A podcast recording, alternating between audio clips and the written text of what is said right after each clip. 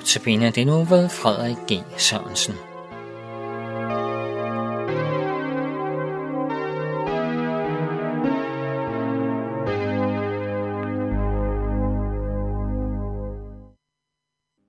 Fastetiden er på et tidspunkt tilbage i tiden begyndt 70 dage før påske.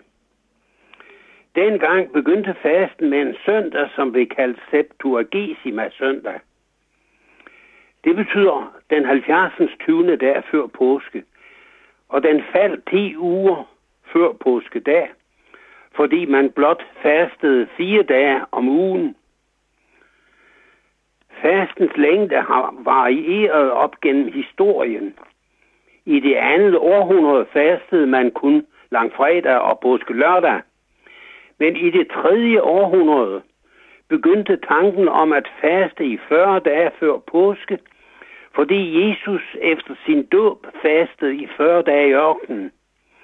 Moses fastede i 40 dage på Sinai bjerg. Med tanke på disse begivenheder blev fastetidens længde fastlagt til 40 dage som forberedelse til den store højtid, påske, hvor Jesus på korset sonede menneskehedens synd med sit offer på Golgatas kors. Han døde, men opstod på tredje dagen. Søndag har man altid holdt fri for faste, fordi det er en festdag, hvor Jesu opstandelse fejres.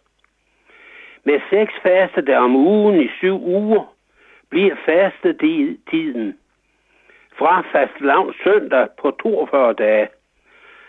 Dermed blev det til 42 dage. Det betød, at fasten først begynder to dage efter fast fastelavn søndag, som var sidste søndag. Den begynder altså om onsdagen. Den onsdag blev kaldt Aske onsdag. Tiderne skiftede i tid. I det fjerde århundrede blev det ændret til, at man ikke fastede om torsdagen, så der røg seks faste dage ud af kalenderen. Man måtte så begynde fastetiden 60 dage før påske. En overgang blev lørdagen, sabbaten, fastsat til fastedag. Der er altså to søndage gemt i kirkekalenderen, der har navnet Septuagesima søndag og Sexagesima. Og de, dem har man bibeholdt. Og de ligger lige før fastelavns søndag, som var i søndags. Og nu vil jeg læse lignelsen om arbejderne i vingården, der handler om de jordiske og de himmelske ting.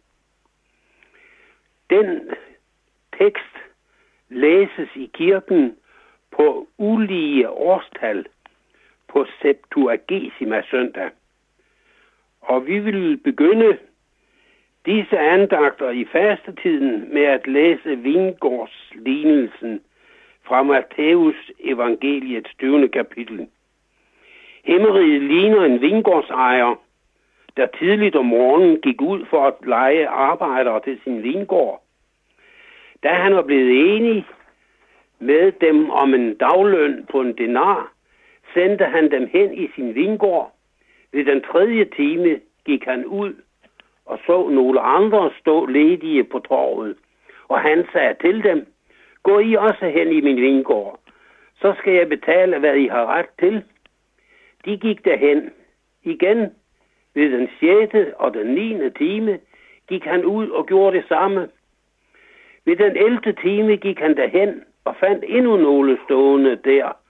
Og han spurgte dem, hvorfor har I stået ledige her hele dagen? De svarede, fordi ingen har lejet os. Han sagde til dem, gå I også hen i min vingård.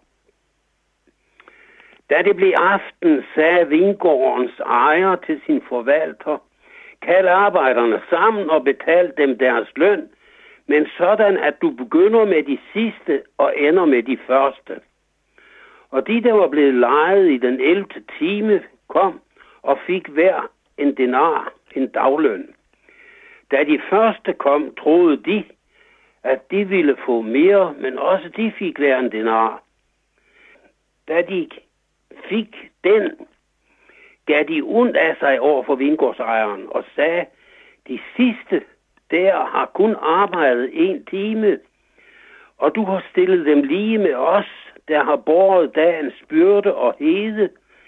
Men han sagde til en af dem, min ven, jeg gør dig ikke uret, blev du ikke enig med mig om en denar? Tag det der dit og gå. Jeg vil give den sidste her det samme som dig, eller har jeg ikke lov til at gøre, hvad jeg vil med det der mit? Eller er dit øje ondt, fordi jeg er god? Sådan skal de sidste blive de første, og de første de sidste. I denne lignelse her om arbejderne i vingården er det forholdet til de himmelske ting, som Jesus taler med sine disciple om. Arbejderne i vingården får udbetalt den samme løn uafhængig af deres arbejdstimer. Lignelsen om arbejderne i vingården indleder med at fortælle, at himmeriget ligner en vingårdsejer, der går ud for at lege arbejdere til sin vingård tidligt om morgenen. Arbejderne i denne vingård ansættes nu til forskellige tider, lige fra klokken 6 om morgenen og til klokken 17. Blot en time før 12 timer lange arbejdsdag er slut. Det er en flot lignelse, hvor alle ledige kommer i arbejde. Men da vi kommer til lønudbetalingen, hvor de sidste med kun en times arbejde får fuld løn, så begynder den hverdagshistorie at blive noget uvirkelig. Det er for flot, at der ikke er noget, så der ikke er noget galt. Det indfries der også til fulde, da arbejderne, som har arbejdet hele dagen, får udbetalt samme beløb, som dem, der kun var på arbejde i en time. Og så hører vi oven i købet himmerige ligner en vingårdsejer, der bærer sig sådan ad. Samfundet har i perioder gjort det muligt, at en person, der er særlig kreativ og dygtig, kan få et personligt tillæg. Men lignelsen her peger netop væk fra en særlig indsats fra disciplens side, eller fra andre menneskers side, når det drejer sig om Guds rige. I de jordiske spørgsmål gælder lige løn for lige arbejde, men i Guds rige betyder kun Guds nåde noget. Der er intet andet, som forslår, når det er Gud, som gør det, der skal gøres, for at vi kan få troen skænket som en gave og blive frelst. Lignelsen skal få os til at stanse ved Guds godhed, sådan som vi også synger om det i en ganske vist nyårssalme. Guds godhed vil vi prise, de store med de små. Den bedste nytårsvise, som vi kan finde på, er tak af hjertens grund for gave Gud fuld mangen til os i år. For gangen er Gud så rig og rund. Amen.